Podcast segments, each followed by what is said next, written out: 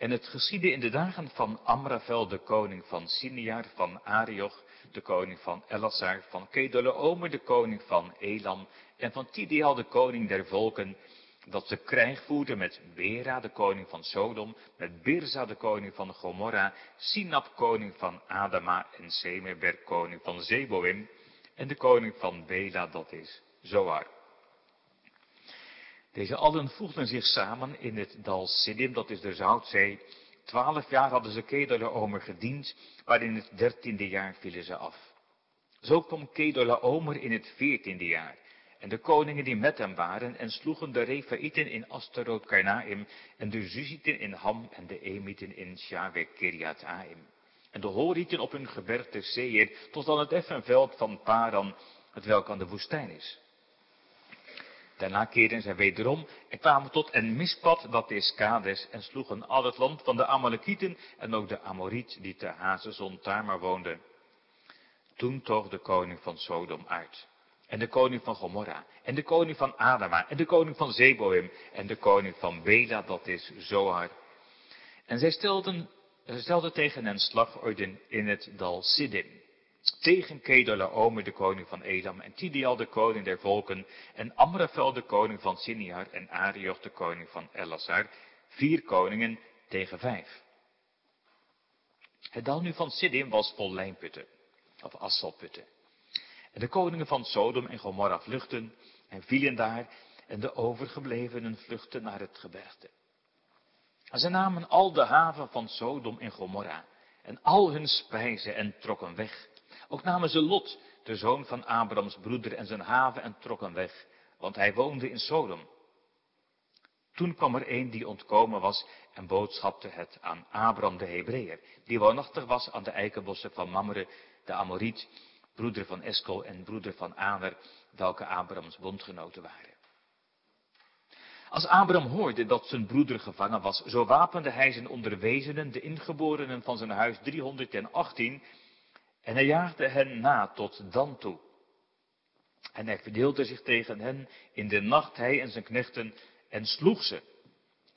En hij jaagde hen na tot Hoba toe, het welke is ter linkerhand van Damascus. En hij bracht alle haven weder, en ook Lot zijn broeder, en deszelfs haven bracht hij weder, als ook de vrouwen en het volk. En de koning van Sodom toog uit hem tegemoet, nadat hij wedergekeerd was van het slaan van Kedolaomer en van de koningen die met hem waren, tot in Alshava, dat is het dal van de koning. En Melchizedek, koning van Salem, bracht voort brood en wijn. En hij was een priester van de Allerhoogste God. En hij zegende hem. En zij gezegend zij Abraham Gode, de Allerhoogste die hemel en aarde bezit. En gezegend zij de Allerhoogste God, die uw vijanden in uw hand geleverd heeft. En hij gaf hem de tiende van alles. En de koning van Sodom zei tegen Abraham, geef mij de zielen, maar neem de haven voor u. Doch Abraham zei tot de koning van Sodom, ik heb mijn hand opgeheven tot de Heere, de Allerhoogste God, die hemel en aarde bezit. Zo ik van een draad aan tot een schoenriem toe, ja, zo ik van alles dat het uwe is iets neem, opdat gij niet zegt, ik heb Abraham rijk gemaakt. Het zijt verre van mij. Alleen wat de jongelingen verteerd hebben, en het deel deze mannen die met mij getogen zijn, Aner, Eskel en Mamre, laat die hun deel nemen. Tot zover. Het gaat in de preek over die geschiedenis, over die krijgstocht van Abraham, als Abraham Lot zal bevrijden. En dan loopt het uit op de ontmoeting met Melchizedek. En dat is dan in de versen 18 tot en met 20. Die zal ik u nog een keer voorlezen. En Melchizedek, de koning van Salem, bracht voor het brood en wijn. En hij was een priester van de Allerhoogste God. En hij zegende hem en zij gezegend, zij Abraham Gode, de Allerhoogste, die hemel en aarde bezit. En gezegend zij de Allerhoogste God, die uw vijanden in uw hand geleverd heeft. En hij gaf hem de tiende van alles. Zegen in een onveilige wereld. Daar gaat het over in de preek. Genesis 14, En dan als tekst waar het op uitloopt, die versen 18 tot en met 20.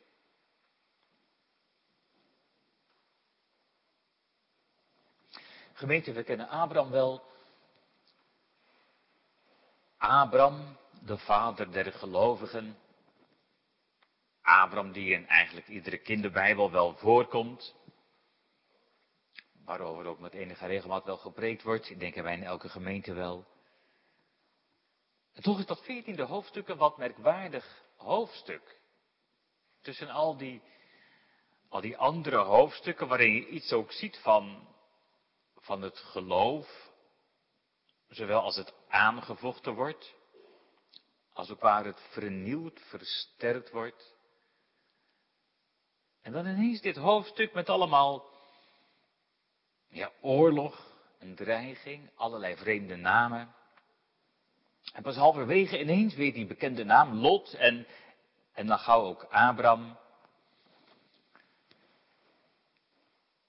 En toch laten juist al die, al die namen, die wij misschien grotendeels niet eens kunnen thuisbrengen, zien dat, dat het gaat over echte mensen. Dat het ook gaat over een echte oorlog. Dat het gaat over echte strijd.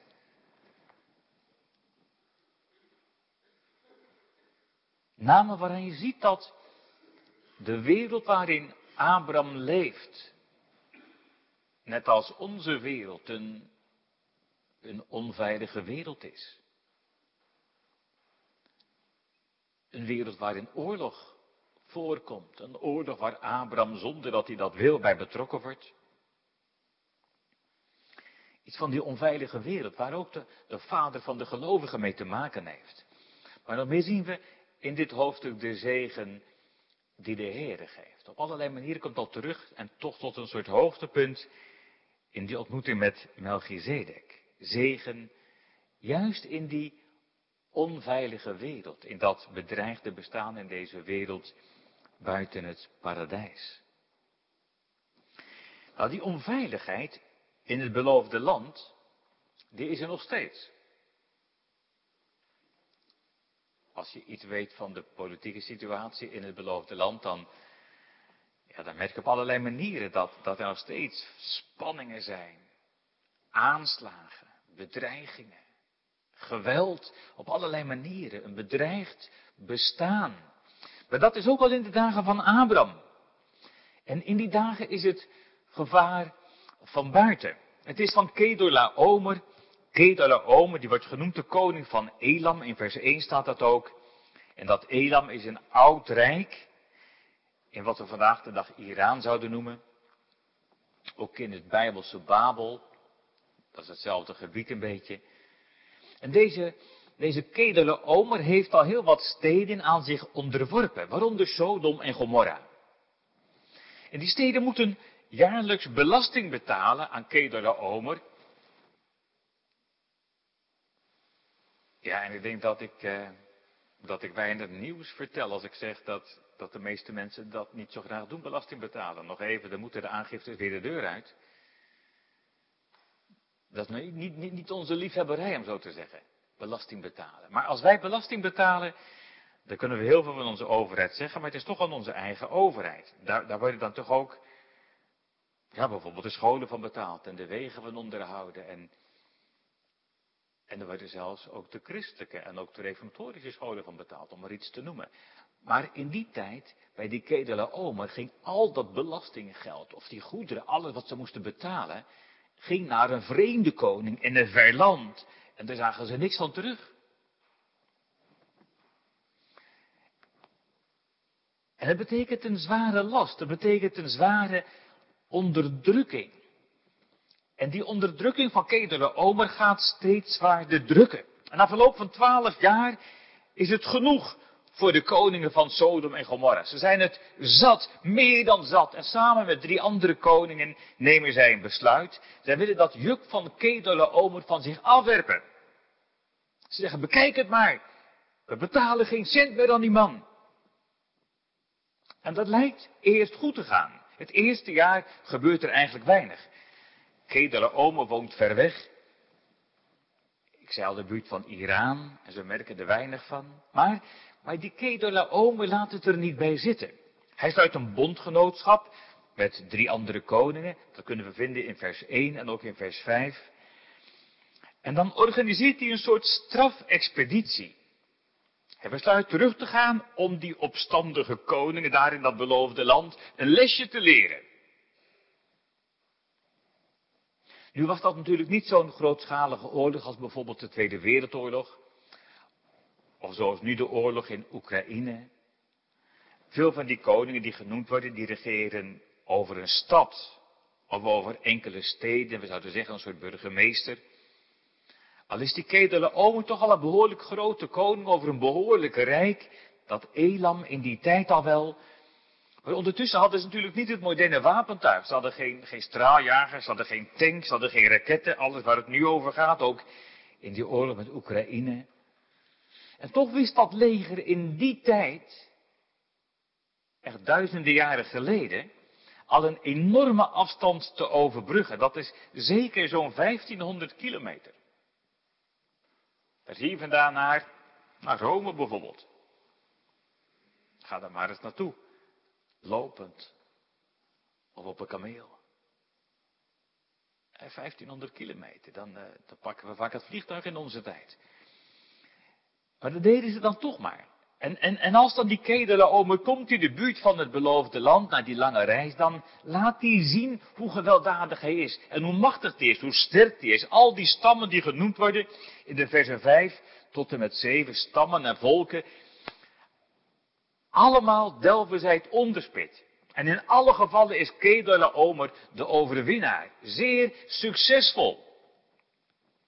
En als hij uiteindelijk komt in de buurt dan, dan wachten die koningen van Sodom en Gomorra niet af. Samen met hun bondgenoten bereiden zij zich voor op de strijd. En dan kunnen zij natuurlijk zelf bepalen waar ze willen vechten. Ze kiezen het Siddimdal, staat er dan. En zo proberen ze de gevechten natuurlijk buiten de stad te houden. In de hoop dat, dat de vijand niet zal binnenkomen in de steden. En, en er staat er dat dat een dal vol lijnputten is, of, of asfaltputten. Nou, sommige uitleggers denken aan, aan gevaarlijke putten, waar je in kunt vallen en dan ook verongelukt. En zulke putten zijn er in bepaalde streken nog steeds wel. Maar je kunt ook denken aan een soort putten die, die de gelegenheid geven om een hinderlaag te leggen voor de vijand. Of om in je te verbergen. er staat bijvoorbeeld in dat tiende vers, er staat er van die koning van Sodom, dat ze, dat ze daar vielen. Je kunt het ook vertalen als dat ze in die putten vielen. Maar je kunt het ook vertalen dat ze erin springen. Want één ding weten we zeker, dat ze niet overlijden. Het is, het is niet het einde van hun leven, want even later, daar komen we die koning van Sodom weer tegen. Maar hoe dan ook, ze kiezen niet voor niets dit gebied, dit dal voor de strijd. En ze zijn wat dat betreft in het voordeel, maar als die strijd één keer begint, merken ze al gauw dat ze tegen Kedalaoma niet op kunnen. En ze worden helemaal verslagen. En ze moeten vluchten. Iedereen staat op de vlucht. In vers 10 kunt u dat vinden. En voor degenen die achterblijven in de steden, is dat een vreselijke ramp. Dat is nog steeds. Als je in een stad woont, die wordt geplunderd door de vijand. Moet u maar eens kijken wat er is gebeurd in Oekraïne. Dan wil je niet weten wat er gebeurt met de mensen die soms achterblijven. En zeker niet met de vrouwen. En de mensen die ze kunnen gebruiken worden gevangen genomen als slaven en meegenomen. En de huizen en de voorraadsvuren worden leeggeroofd. En wat die mannen van Kederen Omen kunnen meenemen, nemen ze mee. Alles wat waarde heeft. En dan ineens weer die bekende naam. Dan ineens in vers 12, lees maar mee. Dan komen we Lot weer tegen. Ook namen ze Lot, de zoon van Abrams broeder. En zijn haven, dus zijn bezittingen. En ze trokken weg. Hij woonde namelijk in Sodom. Ja, dat staat er even even terloops bij. Dat hij dan al in Sodom woont. Binnen de muren van de stad. Daar, daar was hij eerst niet, toen leefde hij er buiten. In het vorige hoofdstuk, maar zo gaat dat vaak. Hè? Dan, voor je het weet, dan zit je er middenin. Lot heeft gekozen. Dat is het vorige hoofdstuk. Lot heeft gekozen voor de welvaart van Sodom. En Lot heeft om zo te zeggen al zijn kaarten gezet op de veiligheid van Sodom. En je kunt je indenken dat Lot zich binnen die, die sterke muren van Sodom veel veiliger heeft gevoeld dan in die dunne tenten, in dat tentenkamp van Abraham. En die keuzen van Lot, die leken slim, die leken wijs, wereldwijs. Dat leek verstandig wat Lot deed. Lot leek zijn zaakjes veel beter voor elkaar te hebben dan Abraham. En er staat natuurlijk niet bij hoe dat gegaan is, maar je kunt je best een beetje voorstellen dat ze in dat gezin van Lot wel eens een beetje lacherig hebben gedaan over die oude oom, over Abraham. Ja, die bedoelt het allemaal wel goed met zijn geloof en met zijn godsdienstigheid en zijn vertrouwen op de Heer, maar ja, hij is wel een beetje wereldvreemd. Zo zit de wereld niet in elkaar. Lot weet hoe de wereld in elkaar zit. Die weet hoe het gaat in de wereld. Lot, ja, en dan is die Abraham maar een beetje ouderwets. Nou ja, Lot is ook wel gelovig. En dat is, dat is nog echt waar ook. Dat, dat weet u denk ik wel. Dat later in de Bijbel, in 2 Petrus 2 vers 8, voor wie het na wil zoeken, daar staat er ook echt wel dat hij een kind van God is. En dat er het moment komt dat hij zijn rechtvaardige ziel kwelt daar in Sodom. Of dat hier al is, dat weet ik niet. Maar ook een kind van God kan wel heel ver van huis zijn. Maar dan blijkt Sodom niet zo veilig als Lot heeft berekend.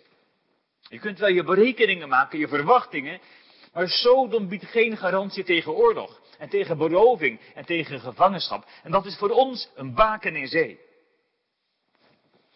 Je kunt wel denken, ik zoek mijn veiligheid ja, in je verzekeringen. En ik zeg op zich daar niet zoveel verkeerd, want ik heb ook mijn verzekeringen wel, maar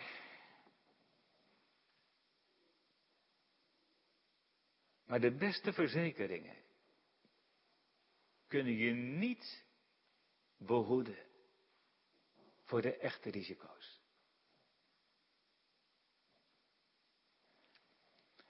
En de betrouwbaarste investeringen, die kunnen zo een waarde verliezen. Iemand zei niet zo lang geleden tegen mij, dominee zegt hij, ik investeer niet in aandelen, maar in stenen. En dan, dat houdt tenminste zijn waarde, zei hij. Maar als je in Oekraïne woont, en je stenen in puin liggen, of in Turkije, dat kan hier ook. Dat kan hier ook. Als er oorlog komt, je hoopt het niet, je weet het niet. Maar het zou de eerste keer niet zijn, ook niet in Nederland. Die aardse zekerheden geven geen garantie. En we willen natuurlijk graag alles houden, hè, zolang we leven. Dan hopen we allemaal dat je je spulletje mag houden tot je, tot je sterft. Dat hoop je ergens, hè. Dan, dan, en dan voor de kinderen. En, maar dan mag je alles houden zolang je leeft. Er komt de dag dat je het allemaal los moet laten. Dat weet u best. En als je dan niet meer hebt dan je aardse schatten, dan sta je met lege handen voor God. En hoe moet dat dan? Kun je zo voor God verschijnen? Ben je bereid of niet? De Heer Jezus zegt het heel duidelijk. Hij zegt, verzamel je geen schatten op de aarde, want die breng je niet in de hemel. Die breng je niet bij de ware veiligheid. Hij zegt, de mot en de roest verderven ze. De dieven breken in en ze stelen. En je raakt het zo weer kwijt. Maar zegt hij, verzamel je schatten in de hemel. Daar kan de mot en de roest niet bij. Daar kunnen de dieven niet bij. Want waar uw schat is, daar zal uw hart zijn. En daarom vraag ik ook vanavond, waar is uw schat? Waar ben je mee bezig? Waar is je hart mee bezig? Waar zijn je gedachten op gericht? Waar is jouw schat, uw schat, mijn schat? Waar zoek je je vastheid, je veiligheid? Waar is je schat? Waar werk je voor? Waar leef je voor? Wat heeft werkelijk waarde voor ons? Waar wordt ons hart warm van? Waar gaat het sneller van kloppen? Als het hierover gaat, wordt het voor Lot een beetje ongemakkelijk. Want Lot weet, als het erop aankomt natuurlijk best wel dat dat niet goed zit. Maar, maar, maar bij Abraham is dat anders. Dan merk je, dan merk je dat het hem niet gaat om zijn aardse goed. Al, al heeft Abraham heel wat aardse goederen, dat heeft hij wel, maar je merkt dat zijn echte schat ligt in de Heer. Dat merk je aan zijn leven. En, en, en het mooie is dat, dat zal in deze geschiedenis ook Lot weer merken. Eigenlijk staat Abraham buiten in die oorlog met Kedele-Omer. Abraham die zou kunnen zeggen, daar heb ik niks mee te maken. Zogenaamd neutraal, hè? dan blijf ik liever buiten, daar brand ik mijn handen niet aan. Maar Abraham hoort wat er gebeurd is. Hij krijgt bericht over Lot, vers 13. En die boodschapper die komt en die ontkomen is en die vertelt het dan dat Lot is meegenomen, dat hij gevangen is genomen.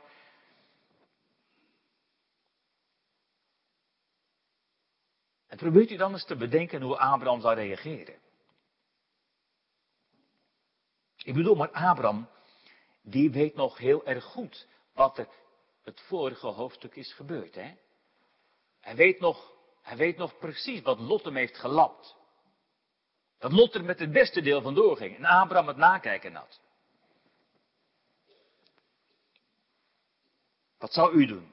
En wat zou jij doen? Wat, wat, wat zal die doen? Wat zal Abraham zeggen? Zal hij zeggen, dat is nou je eigen schuld? Daar komt er nou van. Je verdiende loon. Of, of, of, nog een beetje vromer verpakken, dat kan natuurlijk ook. Hè. Dan zeg je, nou, dat is misschien de welverdiende straf des Heren.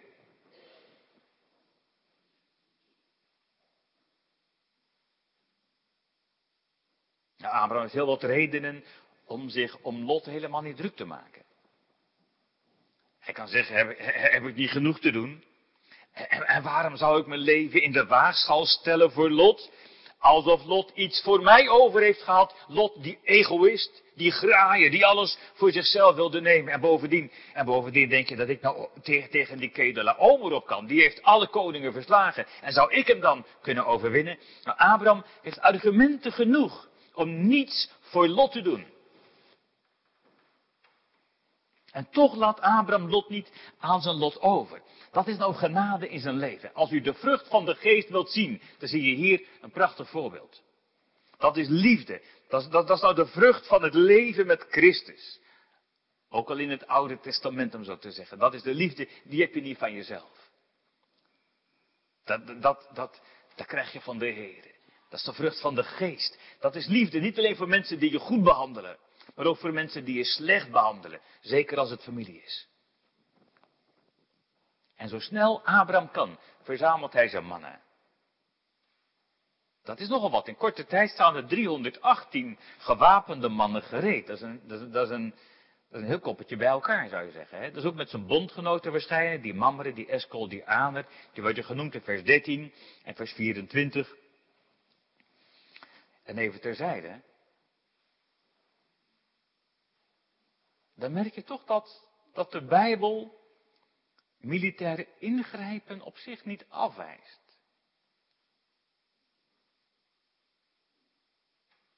Dat heeft ook wel iets te zeggen voor, voor onze tijd, ook als soms ook jonge mannen onder ons in het leger gaan. Ik denk dat het ook, ook best iets, iets belangrijks is dat er ook christenen in het leger zijn. En zeker ook bij de politie. Dat wordt hier niet afgewezen. De Heer Jezus zegt later wel tegen Petrus, doe je zwaard in je scheden als Petrus de Heer Jezus wil verdedigen. En, en als het gaat over het uitbreiden van Gods koninkrijk en van de kerk met geweld, dan is het niet door geweld, niet door het zwaard, maar door de geest. Maar als het gaat over de bescherming van een land en van burgers en van onderdanen, hier dat Abraham toch de wapens ter hand neemt en hij niet alleen. En Abraham zet de achtervolging in. Dat was een flinke reis. Dat heb je niet meteen in de gaten als je het zo even leest, maar het gaat helemaal tot, tot in dan toe, staat er in vers 14. En als u de kaart een beetje kent van het beloofde land, dan, dan weet u dat het vanuit de buurt van Hebron, onder Jeruzalem, helemaal door het beloofde land tot in het noorden is. Misschien bijna zo ver als hier vandaan, naar Groningen. Het noordelijkste puntje. En uiteindelijk zelfs nog verder naar het noorden. Zelfs Damascus wordt genoemd. En dan denk je, Abraham, wat wil je nou beginnen? Wat wil je nou beginnen tegen die kedele omer? Je weet toch hoeveel overwinningen die behaald heeft. Denk je nou echt dat je hem kunt verslaan? En toch gaat Abraham. Daar zien we weer de geloof zelfs, een vertrouwen op de Heer, in gehoorzaamheid aan de Heer. Dan zien we weer die vader van de gelovigen. Dat is dat geloof dat alles verwacht van de Heer. Als God mijn God maar met me is, dan heb ik niets te vrezen. Net als in Psalm 18. Daar staat het ook, met mijn God spring ik over een muur. En met mijn God dring ik door een bende. Als God voor ons is, wie zal er tegen ons zijn? Dat is weer die heldenmoed van Abraham. Nu betekent dat niet dat zijn verstand werd uitgeschakeld. Dat leren we ook nergens in de Bijbel, dat het verstand werd uitgeschakeld. De Heer leert ons juist om, om Hem ook lief te hebben, niet alleen met ons hart, maar ook met ons verstand. Abraham gebruikt ook zijn verstand. Hij is niet roekeloos. Hij verdeelt zijn mannen in tweeën om de vijand van meerdere kanten te kunnen aanvallen. En er staat ook in vers 15 dat hij, dat hij dan kiest voor de nacht, voor het verrassingseffect, dat hij in de nacht de vijand wil overvallen en die vijand rekent nergens meer op. Die denken dat ze alles gewonnen hebben en dat ze klaar zijn, ze vieren feest om zo te zeggen. En die rekenen echt niet meer op tegenstand. En dan ineens worden ze overvallen door Abraham met zijn mannen. En ze strikken zich lam. En ze raken in paniek. En die kedelen over met zijn manschappen, ze slaan op de vlucht. En, en dat wordt een wonderlijke overwinning voor Abraham. Een wonder van God. Zelfs zo dat heel de buit teruggewonnen wordt. En, en, de mensen. Dat, dat, dat eigenlijk alles wat gestolen, wat geroofd was, teruggehaald wordt. En zo komt hij terug. Met de buit en met de mensen. De gevangenen. Inclusief zijn broeder Lot. Ja, zo wordt hij dan toch nog wel genoemd, hè? Lot zijn broeder in vers 16. Dat was hij wel.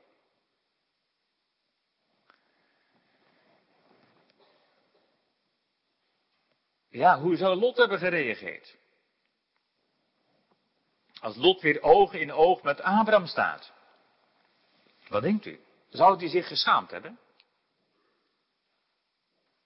Zou hij zich schuldig hebben gevoeld tegenover zijn oom? Zou hij ook schuld hebben erkend? Of zou hij tenminste zijn dankbaarheid hebben bewezen? Je vraagt je af wat Lot heeft gezegd. Hebt u het gezien? Dan zegt u, er staat helemaal niks. Inderdaad. Er staat geen woord van Lot. Je vraagt je af of het weer goed is gekomen tussen Abraham en Lot. Toen ik deze preek voorbereidde, heb ik het eens na zitten zoeken. Of je ergens iets nog kunt vinden van een ontmoeting tussen Abraham en Lot. En je vindt het niet. Helemaal niks. Soms komt het niet goed. Zelfs niet tussen kinderen van God. Dat kan natuurlijk niet, dat mag helemaal niet. En toch gebeurt het soms wel dat het niet meer goed komt. Erg is dat, hè? Want we moeten dan straks in de eeuwigheid. Maar of het nog goed is gekomen of niet. Eén ding weten we wel, dat Abraham heeft gedaan wat hij kon. Hier heeft hij zijn leven gewaagd voor Lot. En ook als Lot later weer meegaat met die koning van Sodom, kan Abraham Lot niet vergeten. En dat is weer die vrucht van de geest. Dan, dan merken we dat ook later, hoeveel Abraham werkelijk geeft om Lot, ongeacht of Lot daarop gereageerd heeft of niet. Dat weten we niet. Maar, maar Abraham geeft wel om Lot, dat merken we later. Als die engelen komen die verderfengelen. Als het oordeel komt over Sodom en Gomorra, dan zien we Abraham op zijn knieën. Dan bidt hij voor Sodom, maar niet alleen voor Sodom, dan bidt hij voor Lot in het bijzonder. Dan smeekt hij voor zijn behoud. Dan merk je dat Abraham werkelijk geeft om Lot. Dat is weer het geloof. Dat is weer die vrucht van het geloof. Die vrucht van de geest. Die toch het goede zoekt voor de ander. Ook al krenken ze je. Ook al, ook al komt het niet meer goed zoals je zou willen. Of, of misschien toch anders dan je wilt. En dan toch blijven bidden. Toch het goede zoeken voor de ander. Uiteindelijk verlangend naar het behoud. Naar de redding. Ook van die ander. Net als Abraham die blijft bidden voor Lot. Ook als het oordeel komt. Ondertussen wordt onze aandacht gevraagd voor een andere ontmoeting. Dat is in het dal, in het dal Sjave staat er het koningsdal, het dal van de koningen. Dat is waarschijnlijk ten zuidoosten van Jeruzalem. Dan komt er weer iemand naar Abraham toe. Dat is Melchizedek. En daarmee komen we natuurlijk ook bij, bij de tekst waar het op uitloopt. Melchizedek. De koning van Salem staat daar. Salem, shalom, vrede. Jeruzalem, ook de stad van de vrede. Het is een oude aanduiding van de stad Jeruzalem. En deze Melchizedek is koning en tegelijk ook priester. Dat is merkwaardig. Want later kan dat niet meer, dat weet u wel. Want de, de priesters kwamen uit Levi. En de koningen kwamen uit Juda. Dat was heel bewust ingesteld om te voorkomen dat de koning, om zo te zeggen, in de kerk het voor het zeggen kon krijgen. Om die machten te scheiden. Een koning kon later geen priester meer zijn en de priester geen koning. Maar Melchizedek is toch van voor die tijd. Melchizedek is een priester die tegelijk koning is. Een priester in dat heidense Canaan. Nou zegt u, is het dan een heidense priester? Nee, er staat nadrukkelijk bij dat hij de priester is van de Allerhoogste God in vers 18. En dat is alweer bijzonder. Ook iets moois om te merken. Want je zou kunnen denken, als Abraham komt uit Ur, als Abraham komt in het beloofde land, dat Abraham de enige is die de Heere vreest. Maar dat is niet waar. Dat is niet waar, er zijn er toch nog meer. En dat is ook niet zo'n wonder, want, want ook daar zijn natuurlijk nog afstammelingen van, ja, niet alleen van Adam, maar ook van Noach. Volgens Joodse overleveringen is deze Melchizedek ook een afstammeling van Sem, de zoon van Noach. Hoe dan ook, er zijn er blijkbaar meer. Ook, ook toch in dat, in dat heidense Canaan. Er zijn er meer die de Heeren dienen. Net als deze Melchizedek. We weten eigenlijk maar heel weinig van hem. Maar wat we weten is dat deze Melchizedek als koning de Heere gehoorzaamt. En dat hij als priester de Heere dient. Daar kun je heel veel van zeggen. Maar wat is dat mooi als ze dat van je weten, toch? Wat zullen ze later van u zeggen? Wat zullen ze later van jou nog weten? En van mij? Wat, wat wil je graag dat ze van je weten? Dat ze van je zeggen? Dat je dit of dat bereikt hebt of dat hebt gedaan? Wat, wat is het mooi als ze misschien helemaal niet veel van je weten, maar dat ze één ding wel van je weten. Dat was nou een man of een vrouw, dat was nou een jongen of een meisje die de Heer Jezus lief had. Die de Heer gediend heeft met heel zijn hart. Als ze dat nou van je kunnen zeggen. Ik hoop dat je dat graag wilt, dat je daarnaar verlangt. Dat je zo bekend staat als iemand die leeft met God. Voor Abraham betekent die ontmoeting met Melchizedek een geweldige zegen. Juist na die gevaarlijke onderneming een geweldige zegen. Zegen midden in die onveilige wereld. Je kunt je indenken dat hij moe is. Dat hij uitgehongerd is. Na die lange reis, na die strijd helemaal uit het noorden, komt hij uiteindelijk weer terug in de buurt van zijn thuis. Daar bij Jeruzalem. En, en dan wordt hij onthaald. Niet alleen met, met brood en water. Dat zou al mooi zijn geweest. Maar, met brood en wijn staat er. Als het ware als een aanduiding van de overvloed. Het is een koninklijke ontvangst. Een koninklijk maal. Wat een bemoediging moet dat voor Abraham zijn geweest. Ook in die concrete gave van brood en wijn, eten en drinken. Maar u hebt wel gezien dat Melchizedek als priester ook echt de zegen geeft. De zegen van de Heer. Ja, net als wij die aan het eind van de kerkdiensten ook krijgen. En hier in bijzondere zegen, een persoonlijke zegen. Dat, dat, dat is weer die zegen, midden in een onveilige wereld.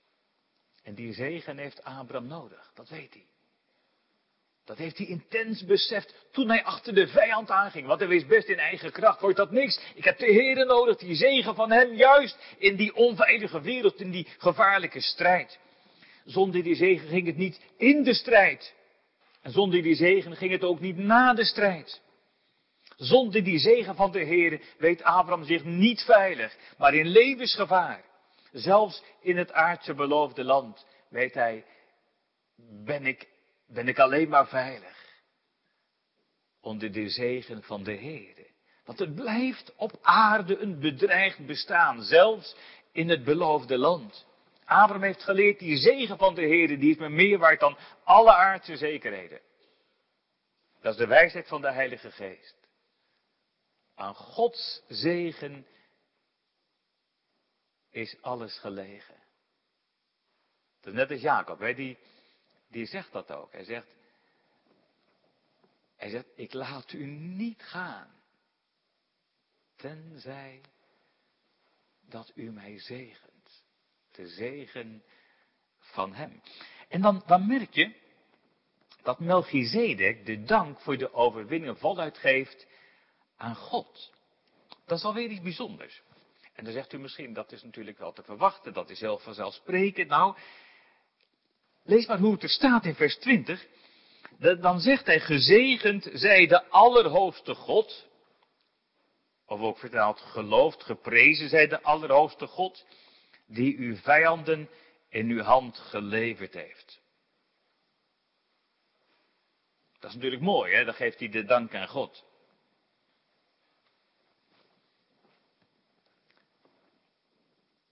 Maar bedenk ook eens wat dat voor Abraham is geweest. Ik bedoel, wat, wat zou je nou verwachten? Dan, dan kom je terug van zo'n strijd. Je hebt je ingespannen. Je hebt je helemaal gegeven. Je hebt gedaan wat je kon. Je hebt een geweldige overwinning behaald. Je komt terug met de buit, met alles. Het kon niet beter. En wat doet hij met Melchizedek?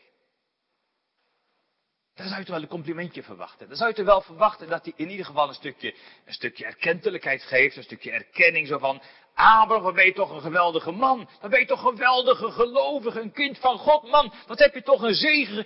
En dat Abraham een beetje wordt geprezen, dat heb je toch slim aangepakt. En, en, en dat durfde je toch maar. En, maar helemaal niks. Helemaal niks over Abraham. 0,0. En, en dan denk je, wat zal Abraham daarvan denken? Voelt hij zich een beetje beledigd misschien? Voelt hij zich een beetje tekort gedaan? Daar hebben wij wel eens last van, hè? Dan denk je, nou, ze mogen mij toch ook wel bedanken. Ze mogen mij toch ook wel zien. Ze zien me niet eens. En nu is er niks mis met de compliment geven. Dat heeft ook wel zijn waarde, dat begrijpt u natuurlijk ook wel. Maar, maar dan toch. Wij zijn ook wel eens heel gauw op onze teentjes getrapt. Maar als we werkelijk geloven dat we al het goede aan de Heere God te danken hebben. Als we werkelijk geloven dat het van zijn zegen afhankelijk is, dan wordt dat toch anders, ja toch? Ere wie ere toekomt. Je merkt van Abraham dat hij zich niet gepasseerd voelt. Dat hij zich niet tekort gedaan voelt. Integendeel, hij is dankbaar met Melchizedek. En samen met Melchizedek geeft hij de eer aan de Heere. Geprezen zij de Heere. Die woorden van Melchizedek zijn een zegen voor hem.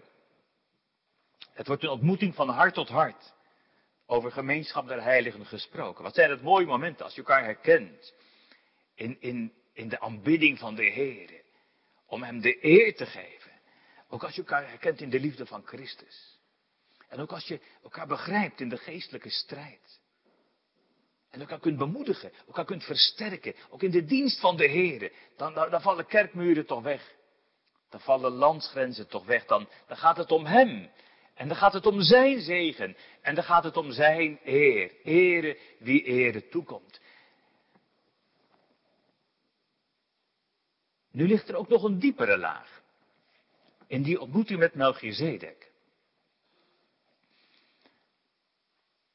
In de Bijbel wordt Melchizedek een type genoemd van de Heere Jezus. Er wordt er een lijn gelegd tussen die Melchizedek en Christus. Daar wordt, wordt de Heer Jezus genoemd een priester of een hoge priester naar de ordening van Melchizedek. U kunt dat vinden in Hebreeën 7. Dat kan ik allemaal niet meer uitleggen, maar ik, ik stip even aan wat de kern daarvan de zaak is. Dan, dan legt de Hebreeënbrief uit dat Christus hoge priester is van een hogere orde dan alle priesters uit Levi. Zoals Caiaphas. Maar ook hoger dan Aaron. Hoger dan al die Levitische priesters die gediend hebben in de tabernakel en in de tempel. Dat hij van een hoger priesterschap is. Het priesterschap van Melchizedek. De ordening van Melchizedek. En hoe dat precies zit, dan moet u maar eens nalezen. Dat laat ik nu rusten. Maar, waar het nu wel om gaat, is dat, dat, dat waar Melchizedek zegen betekent voor Abraham. Dat dat nog oneindig veel meer geldt voor Christus. Want, want als het gaat over Christus, die hoge priester naar de ordening van Melchizedek, wat geeft hij veel zegen? Ja toch? Als het over de Heer Jezus gaat. Ja, wordt je hart dan niet warm? Als het gaat over zijn goedheid en zijn grootheid en zijn heerlijkheid. Wat geeft hij veel zegen? En dat is ook in die gewone aardse dingen. In brood en wijn. Brood en water zelfs. Maar we krijgen zoveel meer. Ik, weet niet wat u vanavond allemaal op hebt. Wat u de afgelopen dagen op hebt. Maar het zou best meer zijn dan, dan water en brood. Wat krijgen we veel? Ook dat zijn gaven die ons toekomen vanuit Christus. Daar staan we in het bijzonder weer stil als het middag wordt. Dat we ook die aardse, die concrete gaven uit zijn hand ontvangen. Maar u weet natuurlijk ook wel, dat is het belangrijkste niet als het gaat over Christus. Want bij brood alleen zullen wij niet leven, zelfs niet bij wijn alleen. We hebben meer nodig. Als het over de zegen van die meerdere Melchizedek gaat, dan, dan denken we niet alleen aan iets wat hij geeft. De Heer Jezus geeft niet alleen allerlei zegeningen. Maar de Heer Jezus is die zegen in eigen persoon. Dat is een heel belangrijke. Dat hij niet alleen zegen geeft, maar zelf de zegen is in vlees en bloed. Hij is die zegen midden in een onveilige wereld. Hij is het zelf. En, en als hij zijn zegen geeft, dan geeft hij ten diepste zichzelf. Hij is die hoge priester die niet zomaar een lam offert, of een ram, of een stier, of weet ik wat, maar die zichzelf offert. Hij is die hoge priester die zelf het lam wilde worden. En wat dat betreft is het wel bijzonder dat Melchizedek brood en wijn meebrengt. Want wat Melchizedek waarschijnlijk nog niet weet, dat weet u wel.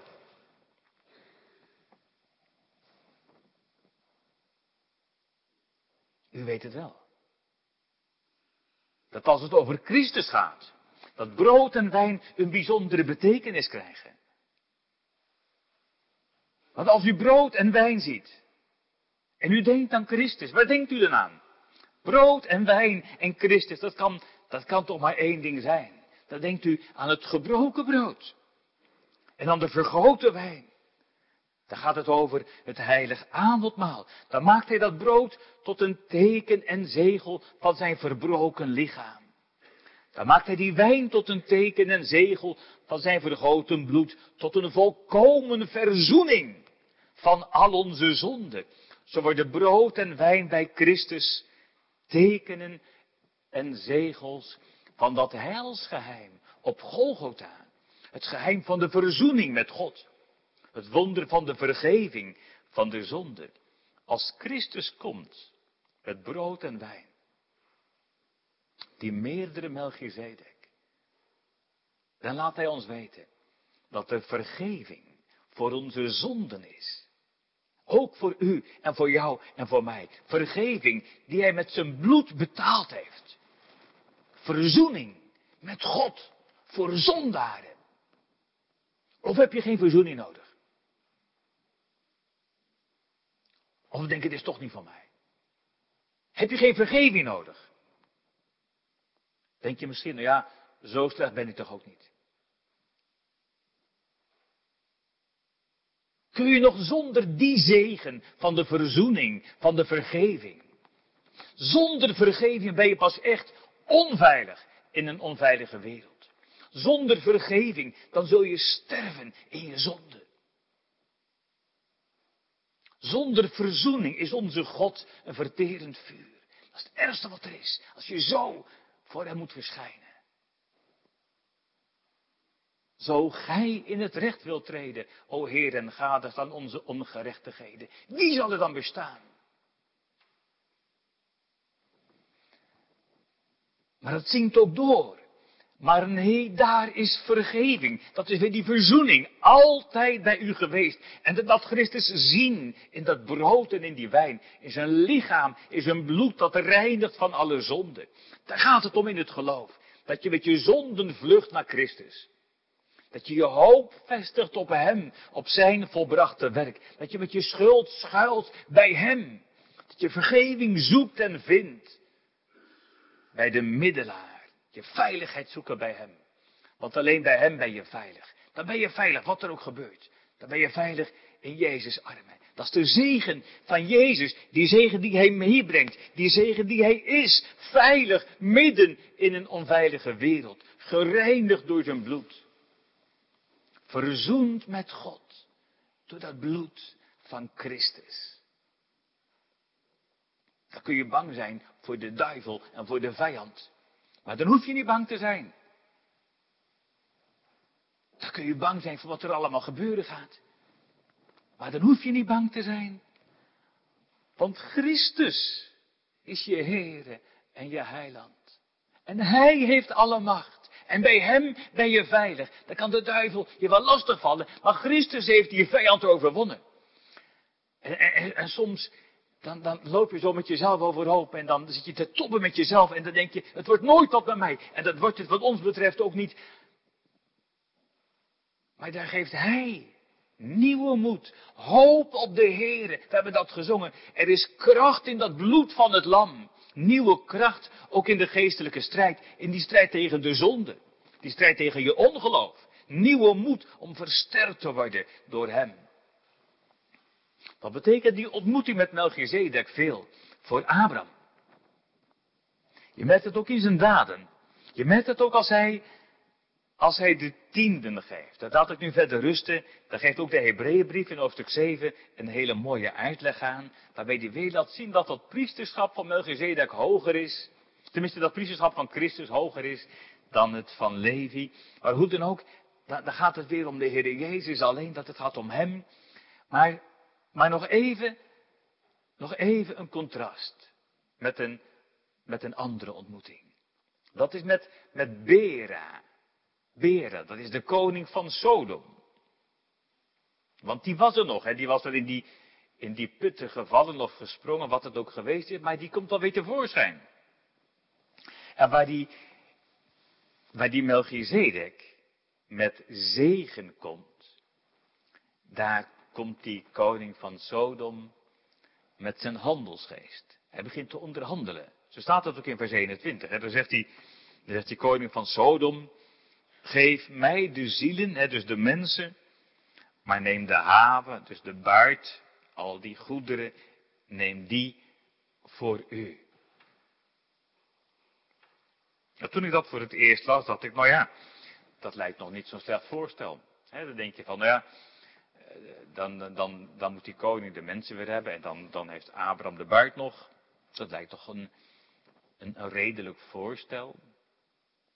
Maar als je er goed over nadenkt, is het, is het veel meer een heel slim voorstel. Want wie kan hier de voorwaarden stellen? Wie heeft hier de mensen en de haven, de baard? Abraham heeft alles. Wat kan die koning van Sodom tegen Abraham beginnen? Abraham heeft Kedele Omer overwonnen. Wat kan die koning van Sodom beginnen als Abraham zegt, dit is de dag die de Heer geeft. Ik ben de koning van Sodom. Dit is de dag. Ik, ik heb het land. Dat heeft de Heer mij beloofd. Ik ben de nieuwe koning. dit is de dag die ik krijg van Gods wegen. Had hij kunnen zeggen? Dat had hij kunnen zeggen. En dat doet hij niet. Abraham, hier, Abraham had, de macht kunnen grijpen. Maar Abraham weigert de macht te grijpen. Abraham weigert het recht in eigen hand te nemen. Abraham vestigt zijn hoop op de Heere alleen. Hij weet, de Heere heeft het beloofd en ik neem het niet zelf. Dan wil ik het ook uit Gods hand krijgen. En dan zien we iets van dat geloof. Later, dan zie je weer dat hij toch weer, ook zelf wel weer, God een handje wil helpen. En dan gaat het helemaal fout. Maar hier niet. Hier zien we weer die vader van de gelovigen. Dat hij weet, de Heere staat garant voor de vervulling van zijn belofte. Als hij het beloofd heeft, dan zal de Heere daarvoor zorgen. Op een eerlijke manier. En die buit dan. Die mag hij toch houden van de koning van Sodom. Maar Abraham weigert zelfs de buit. Hij zorgde dat ze metgezellen een eerlijk deel krijgen. Dat was ook eerlijk, dat was ook het recht van die tijd. In vers 24 staat dat. Maar zelf weigert hij iedere geschenk van Sodom. Hij zegt radicaal nee tegen de zegen van Sodom. Waarom? Dat heeft te maken met de zegen van de Allerhoogste God. Begrijp je dat? Ja, zegt iemand, maar weet je dan niet, Abraham, hoe rijk Sodom jou kan maken? Jawel, dat weet hij best. Dat weet Abraham heel goed. Maar Abraham weet ook hoe goddeloos Sodom is. Abraham wil op geen enkele wijze verstrikt raken in die goddeloosheid, in die verleidingen van Sodom. Het is alsof hij in de verte al het gerommel hoort van de donder van de oordelen van God. En dat staat ons weer de vraag, wat doen wij? Waar zoeken wij de zegen? Het gaat over zegen in een onveilige wereld. Waar zoeken wij de zegen? Wie de zegen zoekt in deze wereld, heeft alle reden om zich zorgen te maken. Daar kun je bang van worden. Wat staat ons te wachten? Wat zal er gebeuren? Dat weet ik niet. Dat weet niemand, van ons tenminste niet. Maar, maar wie de zegen zoekt bij de Heere, hoeft niet bang te zijn, wat er ook gebeurt. Goed beschouwd is er maar één ding waar we bang voor moeten zijn. En dat is verder leven zonder Christus. Dat is verder leven zonder verzoening met God. Maar met Jezus hoef je niet bang te zijn, wat er ook gebeurt. Want met Jezus heb je de zegen. Met Jezus ben je veilig midden in een onveilige wereld, wat er ook gebeurt. Je merkt aan Abraham hoe vastbesloten hij is de, de, de, zegen alleen te zoeken bij de Heere. Ook in vers 22. En dan, dan zweert hij bij de Heere, de allerhoogste God, de schepper van hemel en aarde, dat hij niets meer wil van Sodom. Maar dat hij alles verwacht van de Heere. Als God, mijn God, maar met me is, dan heb ik niets te vrezen. Zegt u het mee? Als het maar is. Met Jezus. Om Jezus wil. Amen.